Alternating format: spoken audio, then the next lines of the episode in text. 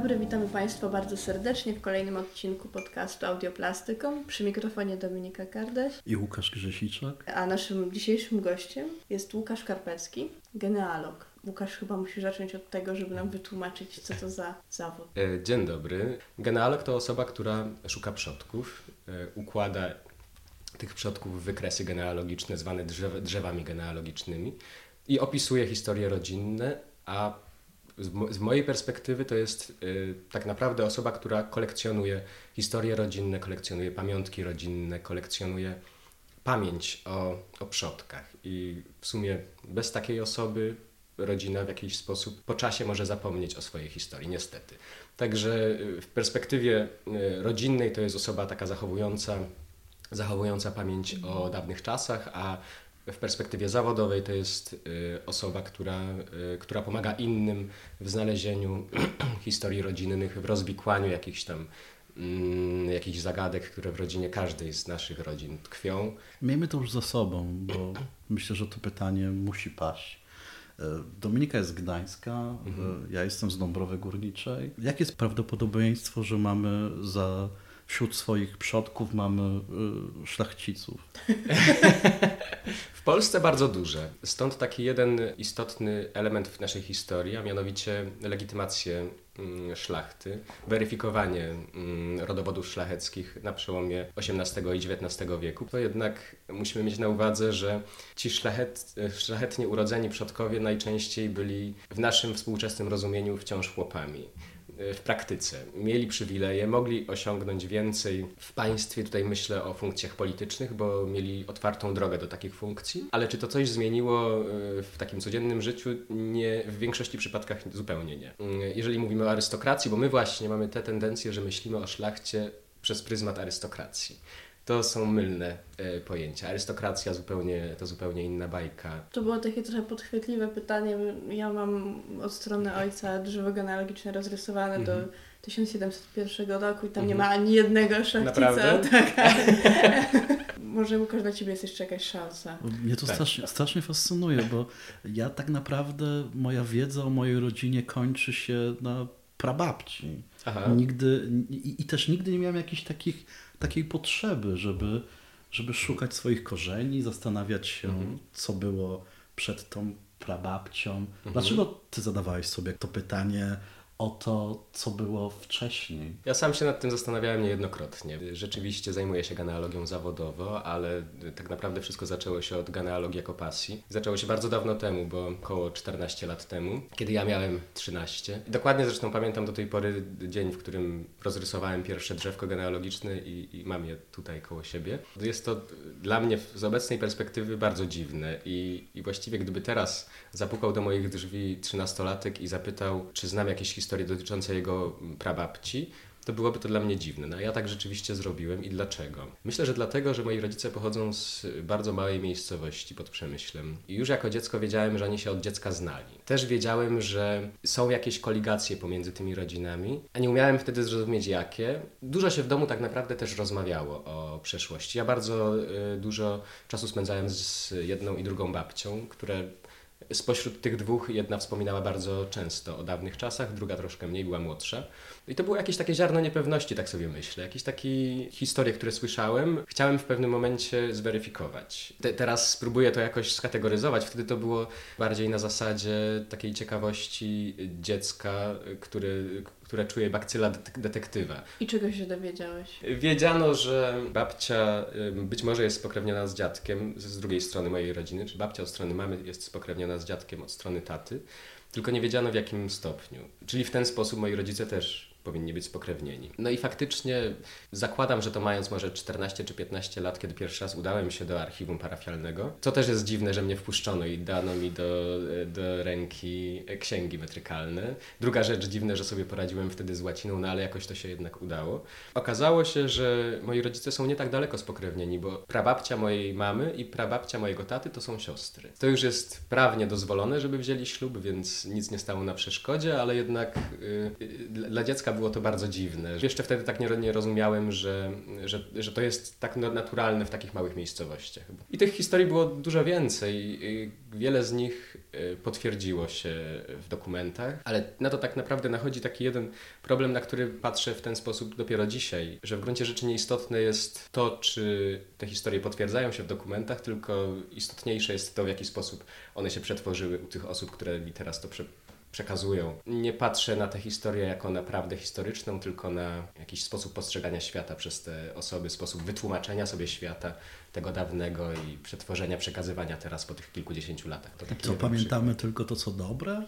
Czy, to, czy, czy powtarzamy tylko te historie, w których y, jakoś my wyglądamy lepiej? No właśnie paradoksalnie z, mojej, z mojego y, doświadczenia akurat wynika, że, że niekoniecznie. Bardziej mm, pamiętamy y, rzeczy, które jakieś zwrotne w rodzinie.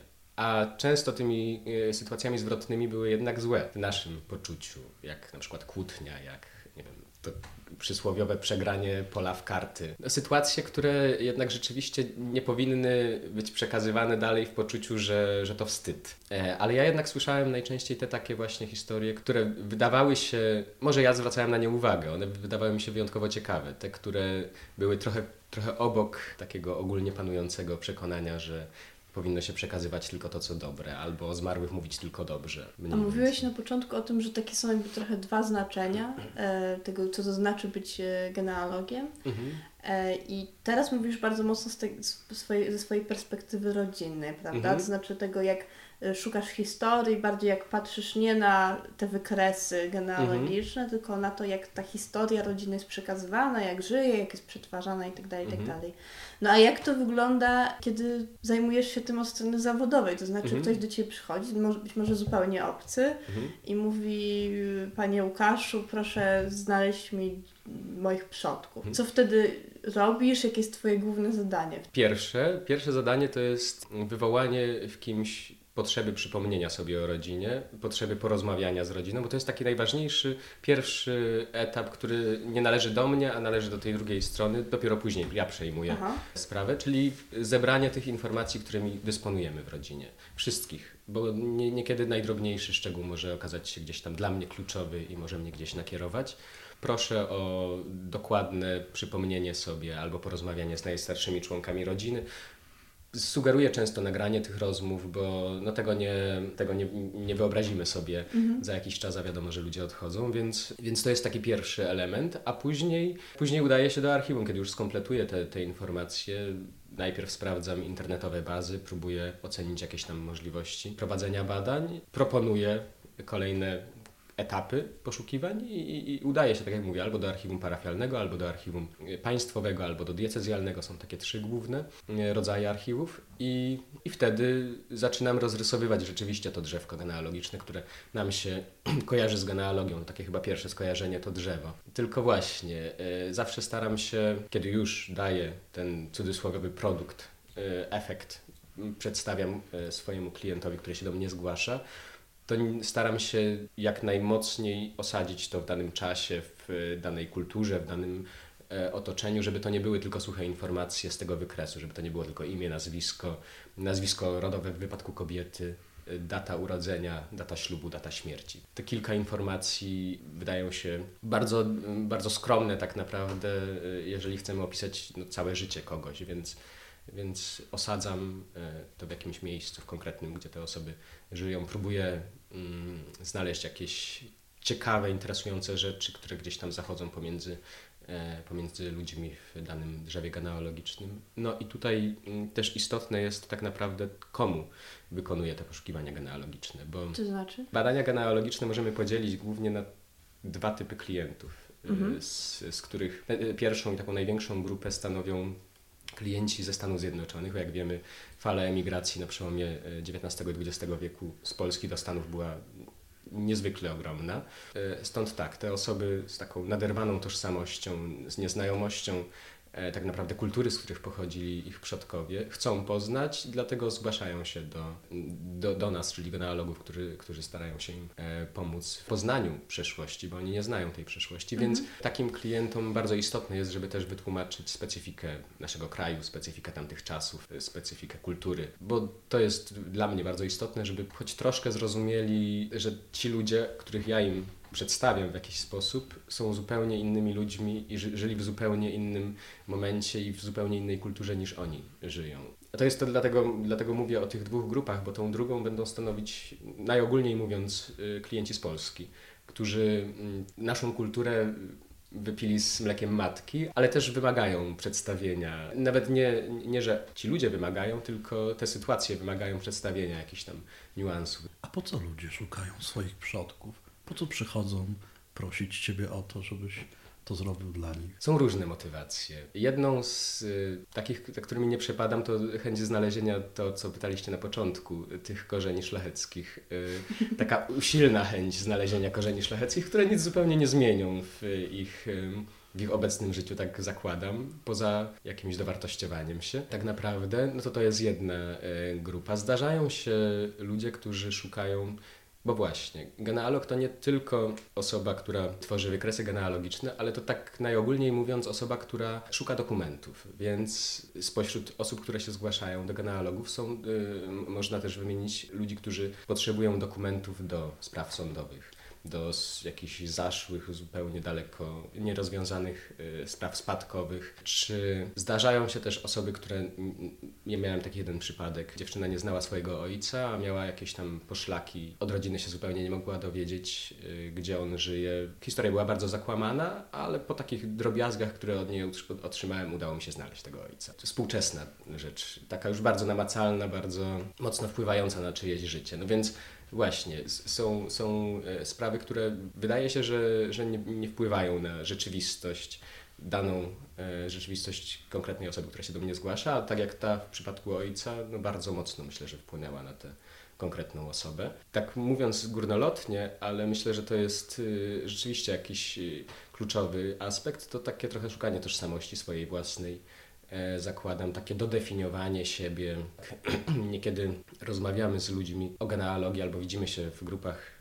Gena, genealodzy to jednak dosyć hermetyczne środowisko, większość ludzi się zna w Polsce, to faktycznie szuka się, w tych przodkach szuka się trochę siebie, w, w sobie szuka się trochę tych przodków, to jest takie, tak naprawdę, już mówię teraz o genealogach, bo tutaj refleksja mm, na temat przeszłości jest myślę, że dużo silniejsza niż w przypadku osób, które się zgłaszają po to, żeby ktoś inny szukał, bo, bo te osoby szukają same, więc tu już mhm. jest dużo większy, mam wrażenie, związek z tą przeszłością, więc rzeczywiście w jakiś tam sposób dodefiniowują siebie. A to jest częste, że e, zawodowi genealodzy zaczynają podobnie do ciebie, to znaczy zaczynają od swojej rodziny? Wydaje mi się, że w większości przypadków. Mhm. W większości przypadków tak. Znam przykłady y, osób, które rozpoczęły tę działalność od strony zawodowej i dopiero później zaczęły się interesować, czyli y, to było taki, takie założenie czysto biznesowe, ale to są pojedyncze jednostki. Y, we większości to jednak wychodzi tak, że że z pasji w pewnym momencie y, przeradza się to w zawód. Tak było u mnie, kiedy mając 20 lat, dopiero wtedy dowiedziałem się, że mogę, y, zajmując się czymś, co najbardziej kocham w swoim życiu tak naprawdę, mogę z tego żyć. To był taki to jak to się zwrotny stało? moment. W sensie, jak doszedłeś do tego, że po prostu robisz to zawodowo?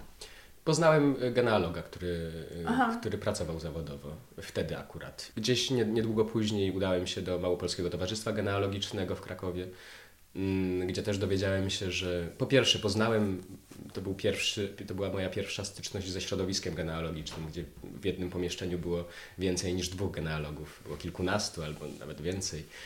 No i spośród tych kilkunastu dwie, trzy osoby zajmowały się zawodowo. I tak mnie też znaleziono, tak zacząłem już pracować. A ja bym chciał wrócić proszę do mhm. tego pytania o źródła. To mówiłeś, mhm. Ten pierwszy krok, mhm. prosisz, żeby ta osoba, która przyszła z tym problemem, porozmawiała w, w rodzinie, a następnie ty udajesz się w poszukiwaniu źródeł. Generalnie zaczynając poszukiwania genealogiczne warto wspomnieć, że bazujemy na aktach urodzenia, aktach ślubu i aktach zgonu. To są takie trzy podstawowe rodzaje dokumentów. W mojej perspektywie przechodzę przez takie trzy stopnie. Najpierw korzystam z ksiąg w Urzędzie Stanu Cywilnego, tam musimy kierować wnioski, załączać do nich pełnomocnictwa i to jest bardzo sformalizowane, całkowita biurokracja. Kolejnym etapem często są archiwa państwowe, a następnym, kiedy archiwa państwowe się wyczerpują, bo tak bywa, że najstarsze dokumenty najczęściej są przechowywane jednak w archiwach parafialnych, no to wtedy próbuje się dostać do archiwum parafialnego. I to archiwum parafialne to jest miejsce najkorzystniejsze w wielu przypadkach. Polecam pytać, jeżeli Państwo chcieliby zacząć poszukiwania, pytać w parafiach o, status anim, o statusy animarum, to są spisy dusz, czyli spisy parafian, dosyć interesujące, bo można przez pryzmat domu zobaczyć, jak mm, mieszkańcy domu się zmieniali na przestrzeni lat. Proszę, uzupełnijmy tę kwestię, no bo one są po stronie kościelnej, prawda? Tak. Mamy dostęp do tych dokumentów, każdy może tam przyjść. Jak to wygląda? Teoretycznie każdy może tam przyjść, w praktyce wygląda to troszkę inaczej. W gruncie rzeczy najistotniejsze w tym zawodzie czy w pasji jest y, bardzo, bardzo duża cierpliwość i bardzo duże uparcie y, i dążenie do tego, do tego celu, więc mogę powiedzieć o przypadku tej parafii, z której pochodzą moi rodzice. Ja pierwszy raz, jak tam się udałem, spotkałem się z proboszczem tam nazywa się Gwardian, ponieważ to zakon, z Gwardianem, który bardzo niechętnie patrzył na genealogów, więc spotkałem się ze ścianą, ale czekałem na zmianę tego Gwardiana. I jak zmieniono Gwardiana, poszedłem i udało się całą parafię sfotografować. Więc później sobie siedziałem w domu i, i, i z perspektywy komputera szukałem przodków. Ile możemy wydobyć? To bardzo zależy od regionu. W tutejszym regionie najczęściej zachowały się księgi metrykalne od 1791 albo 84 roku. No, tak urodzonych, zmar zaślubionych, jak i, jak i zmarłych. No i właśnie, na podstawie ksiąg prowadzonych od takiego e, czasu możemy dotrzeć, mi się zresztą, e, mi się akurat tak udało, dotrzeć do początku wieku XVIII, korzystając z ksiąg zmarłych. Ktoś umiera w 94, mając 80 lat, no już mamy 14. E, więc, więc w taki sposób to się najczęściej udaje w Galicji. Ten Początek XVIII wieku dla poszukiwań galicyjskich jest naturalny. W większości przypadków, jeżeli księgi nie zaginęły, jest to w zasięgu ręki. Ale sytuacja zmienia się, jak zmienimy terytorium. Jak przejdziemy trochę dalej do diecezji tarnowskiej na przykład, to z diecezji tarnowskiej bardzo wiele parafii e, dysponuje do tej pory księgami zaczynającymi się niekiedy na początku XVII wieku. E, najstarsze księgi metrykalne w Polsce pochodzą z wieku XVI. I o ile się nie mylę, jest to Wieliczka, też A czy inne zabory? Bo mówiłeś, że to się też w zależności od tak. zaboru różniło. Jeżeli chodzi na przykład o zabór rosyjski, to zdarzają się sytuacje, że księgi sięgają jedynie, zaczynają się jedynie od 1811 roku i wtedy możemy się cofnąć do połowy XVIII wieku, ale y, z doświadczenia wynika, y, że rzeczywiście parafie, chociażby z Mazowieckiego, często też, ale to już w parafiach najczęściej, albo w archiwach diecezjalnych znajdują się księgi też z XVII wieku. Najmniej znam się na zaborze pruskim, bo nie, nie, nie, nie porozumiewam się językiem niemieckim, nie znam niemieckiego, więc też nie szukam w księgach niemieckich. Szukam jedynie w księgach zaboru rosyjskiego i Galicji. A najbardziej niezwykli klienci i najbardziej niezwykłe ich motywacje? Trudno mówić o niezwykłych klientach. Wolę mówić o niezwykłych historiach, które gdzieś z tego, z tego wynikało. To się łączy jedno z drugim. Niezwykłe motywacje to będzie ten przykład, o którym wspomniałem wcześniej. To te, te, bo to jest znajoma z mojego życia, która skierowała do mnie tę prośbę, czy mogę jej pomóc w odnalezieniu ojca. Nie chciała go poznać, chciała jedynie mieć wiedzę na ten temat. Ja miałem wtedy myślę, że 17-18 lat. No to jest rzecz, z której do tej pory jestem bardzo dumny, że udało mi się to zrobić. A powiesz trochę, jak udało Ci się go zlokalizować? To było tak dawno, że nie do końca pamiętam, jak to dokładnie wyglądało, ale wiem, że wiem, że bazowałem na totalnych poszlakach. Dysponowałem nazwiskiem, który, e, e, które posiadał tenże mężczyzna. Było to nazwisko najbardziej popularne w Polsce, więc e, imię też bardzo popularne, stąd bardzo niewiele, ale przypuszczałem, że mógł mieszkać z, po, po rozmowie z tąże znajomą, że mógł mieszkać na osiedlu obok przez jakiś czas. No i udaliśmy się do, do tej parafii, do której należało to osiedle obok i sprawdziliśmy wtedy księgi urodzonych z takiego okresu mniej więcej, w którym ta moja znajoma się urodziła, bo założyłem, że być może ten mężczyzna miał później inne dzieci. No i to był strzał w dziesiątkę. Właściwie bardzo szybko udało się znaleźć te dokumenty. W pewnym momencie potwierdziło się na tyle dużo informacji, że już nie było wątpliwości, że to jest ten mężczyzna i mieszkał na tym osiedlu obok przez wiele, wiele lat. W księgach znalazły się informacje dotyczące dokładnych adresów dziadków tej mojej znajomej, więc no takie bardzo mm, silne emocjonalnie e, rzeczy. Wiem, że nie nawiązała kontaktu, ale wiedzę, wiedzę ma, udało mi się to znaleźć. Myślę, że w y, czasach RODO, które teraz mamy, nie byłoby to możliwe. No chyba, żebym trafił na bardzo przystępnego księdza. A dokąd najdalej udało Ci się dojść w budowaniu drzewa genealogicznego? O tym też myślałem y, troszkę i rzeczywiście przychodzi mi na myśl jedna historia, która łączy się z pewnymi trudnościami już na samym początku. Mianowicie mm, Wspominałem, że y, mając 20 lat spotkałem zawodowego genealoga i on właśnie zaufał y, mi, kiedy miałem 21 lat i wysłał mnie do Wilna na poszukiwania genealogiczne. Kiedy ja nie znałem zupełnie cyrylicy, a wiedziałem, że y, będę musiał czytać w cyrylicy, żeby móc szukać. Nawet nie chodziło o księgi, bo księgi były prowadzone często po łacinie, ale o same inwentarze i poruszanie się po archiwum. Nauczyłem się cyrylicy jadąc do Wilna, jechałem 12 godzin, więc, więc nauczyłem się tej cyrylicy po drodze. Bardzo kulawo, teraz już, teraz już yy, stosunkowo płynnie czytam cyrylicę, a, yy, ale wtedy to było bardzo kulawe. No i miałem kilka spraw do wykonania przez tydzień w tym Wilnie. Jedna z nich dotyczyła właśnie rodziny szlacheckiej o nazwisku Radwiłowicz.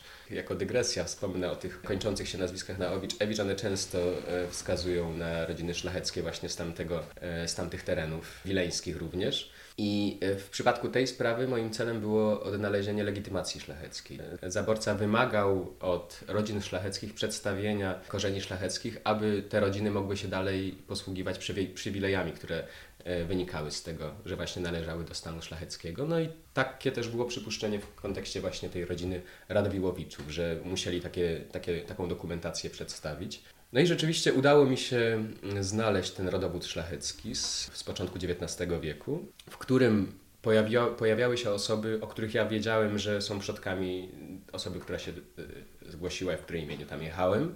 No więc już miałem pewność, że znalazłem dobry, właściwy rodowód szlachecki, z tym, że e, co ciekawe on prowadził do XIV wieku. Więc no to już niesamowita rzecz. To jest chyba najdalej posunięte drzewo, jakie udało mi się właściwie znaleźć, bo ja nie, nie wykonałem tego drzewa. Wykonałem jak, jakiś fragment, a później złączyłem je z wykonanym już tak jak mówię, na początku XIX wieku drzewem, który prowadził do, do tego XIV wieku. Jak się znajduje tak stare dokumenty, to zwykle bierze się pod wątpliwość i zakłada się, że część informacji może być nieprawdziwa, bo to drzewo było poprowadzone Radwiłowicz do Radwida.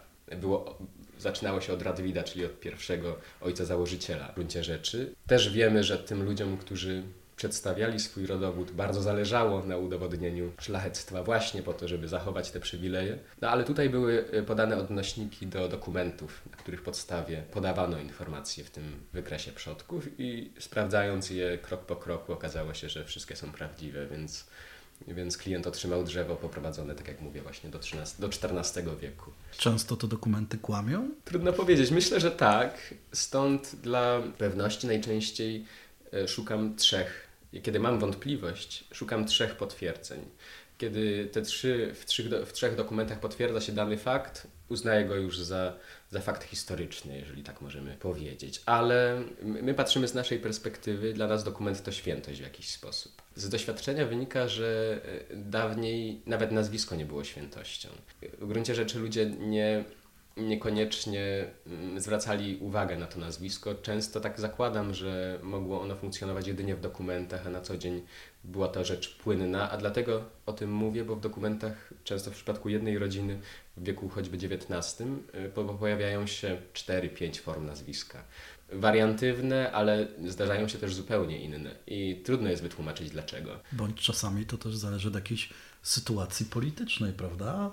Y, tak nie wiem, szczególnie na jakichś takich wielokulturowych, wielonarodowych terenach, w zależności od tego, kto akurat rządził, bardzo mhm. często też e, próbowano pokazywać dokumenty, które były akurat e, przydatne z punktu widzenia władzy, prawda? To jest prawda, to jest prawda. Stąd jest ca cała grupa osób, które w pewnym momencie zmieniała, zmienia nazwisko z tych podstawowych, apelatywnych na nazwiska zakończone na skicki, bo to ma przedstawić ich w cudzysłowie szlacheckie pochodzenie.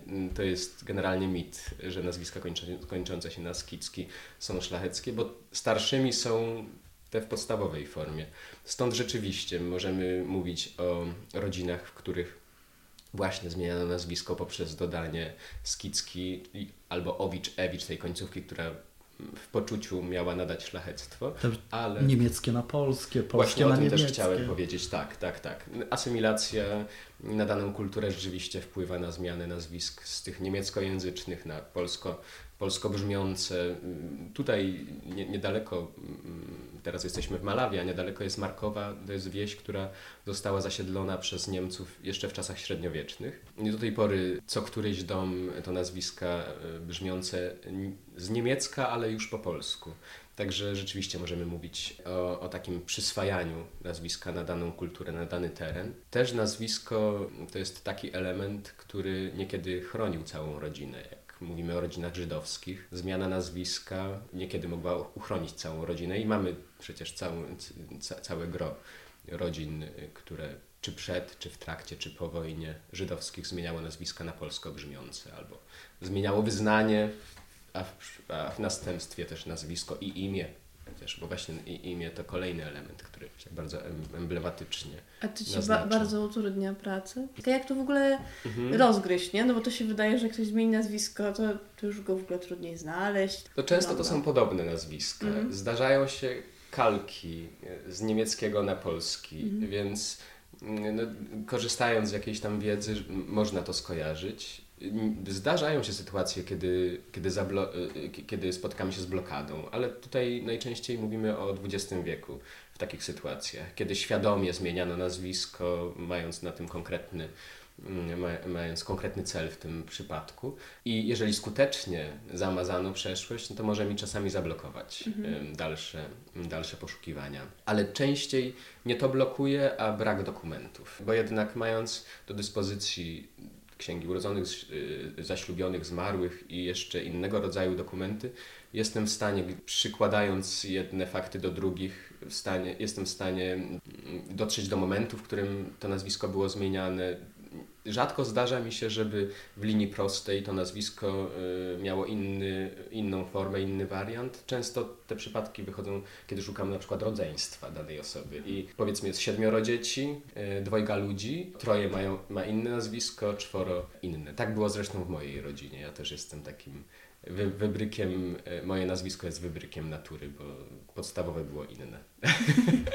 A odkrywałeś jakieś takie paradoksy w życiu e, niektórych ludzi. Nie wiem, ktoś jest wojującym antysemitą, a robisz mu drzewo, jest przekonany, że jest e, stuprocentowym Polakiem. Cokolwiek, cokolwiek miałoby to znaczyć, oczywiście, bycie stuprocentowym Polakiem, ale w jego wyobrażeniu. A to okazuje się, że prababcia była e, Żydówką. Albo tutaj jesteśmy, no jednak nie wiem, no blisko granicy, prawda? Mhm. Ktoś całe życie pisze nienawistne posty na Facebooku przeciwko UPA, a mhm. okazuje się, że jego prababcia była Ukrainką. Zdarzają się takie przypadki? Tak, to bardzo często właściwie, bo tak jak wspominasz, niektóre grupy ludzi lubią myśleć monolitycznie o, o kulturze i patrzeć na przodków jako właśnie stuprocentowych Polaków, stuprocentowych wiem, Argentyńczyków, jakkolwiek.